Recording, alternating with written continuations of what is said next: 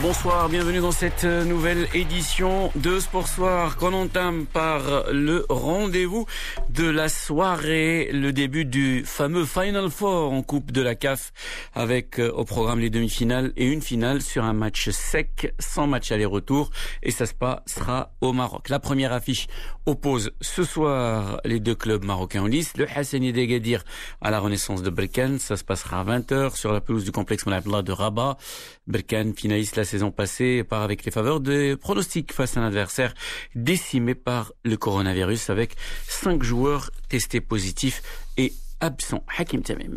Le Hassani d'Agadir espérait le report de cette rencontre. L'équipe est décimée par les absences. Plusieurs joueurs testés positifs au Covid-19, mais la CAF a refusé cette demande. Mais cela ne va pas empêcher l'équipe de Sousse de se donner à fond et viser la qualification. L'Habib Sidino, le président du Hassania. C'est un réel handicap pour l'équipe du Hassania, mais nous allons transformer cet handicap en sorte de motivation pour les joueurs, pour les motiver à redoubler d'efforts, pour euh, ainsi remplacer leurs camarades qui sont en confinement, qui suivent donc euh, leur traitement. Nous allons en profiter pour demander aux joueurs de se concentrer plus, de jouer pour eux, de jouer pour leurs camarades qui sont absents. Malheureusement, il faut faire avec et j'espère que nous allons nous qualifier pour la finale de la Coupe de la CAF. Coup d'envoi à 20h demain l'autre demi-finale, les Égyptiens de Pyramides contre les Guinéens de Horia de Conakry. Hier, le Zamalek du Caire a fait un grand pas vers la finale de la Ligue des Champions après avoir dominé le Raja à Casablanca 1 à 0. Samedi, dans l'autre demi-finale, Al Ahli a pris le meilleur sur l'Uidad à Casa 2 à 0. Le Maroc, on y reste, ça y est, c'est officiel. Abdelhak Ben est le nouvel entraîneur du Difa El Jadida. Le technicien algérien reste sur une belle saison aux commandes du Mouldiad Oujda, le MCO, qui a fini cinquième en Botola.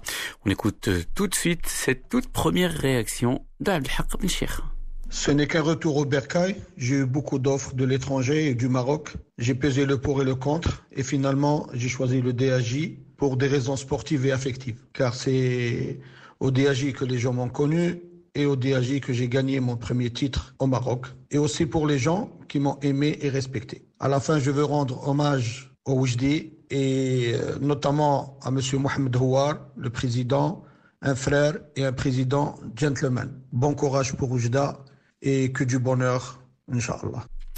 Voilà, donc le premier passage de Ben et le technicien algérien disait à l'instant avec le Difa El Jadida, c'était soldé sur un sacre, la Coupe du Trône en 2013, l'unique trophée en histoire de la formation d'Okali jusqu'à maintenant. Aoujda, Abdelhak Ben sera remplacé par l'ancien international marocain Abslam Ouaddou, première expérience sur un bon touche d'une équipe première pour l'ancien défenseur international. On va en Espagne, leader avant cette euh, sixième journée en Liga. Les Madrilènes ont chuté face au promu Cadiz 1-0. Zinedine Zidane, malgré quatre changements à la mi-temps, n'a pas trouvé les solutions pour renverser cette rencontre mal embarquée et a dû s'avouer vaincu, tout comme son équipe. Troisième avec 10 points à une longueur de la Real Sociedad leader. Le début de saison n'est pas mauvais pourtant. L'ancien numéro 10 de l'équipe de France serait déjà sous pression et menacé alors que se profile le premier match en Ligue des Champions cette semaine et le Classico contre le Barça samedi. La tension est palpable. Alors, question posée à Fred Hermel.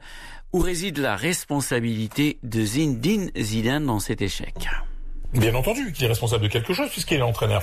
Il est le premier à le reconnaître. Enfin, ceux qui n'avaient aucune envie, ce sont les joueurs, où on sent que physiquement, ils sont pas dedans. Modric, aujourd'hui, a, 34 ans. Euh, il a joué avec sa sélection euh, deux jours avant on a senti qu'il n'était pas dans, dans, dans, dans l'ambiance, il n'était pas bien physiquement. Et raison pour laquelle il a été, il a été changé. Mais après, faire quatre changements à la mi-temps, dont trois tactiques, c'est vrai que c'est rare. Mais aujourd'hui, on a cinq changements d'Espagne. Voilà. C'est pas comme s'il avait fait trois changements à la mi-temps sur les trois changements.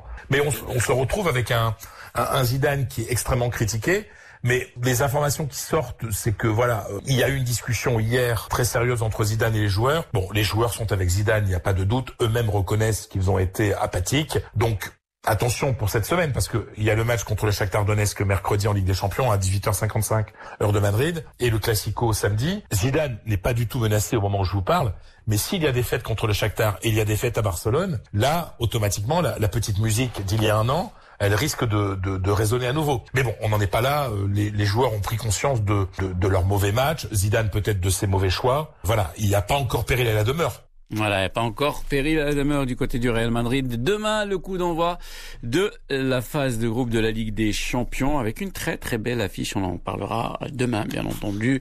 Le Paris Saint-Germain contre Manchester United. Médien, 18h45 minutes.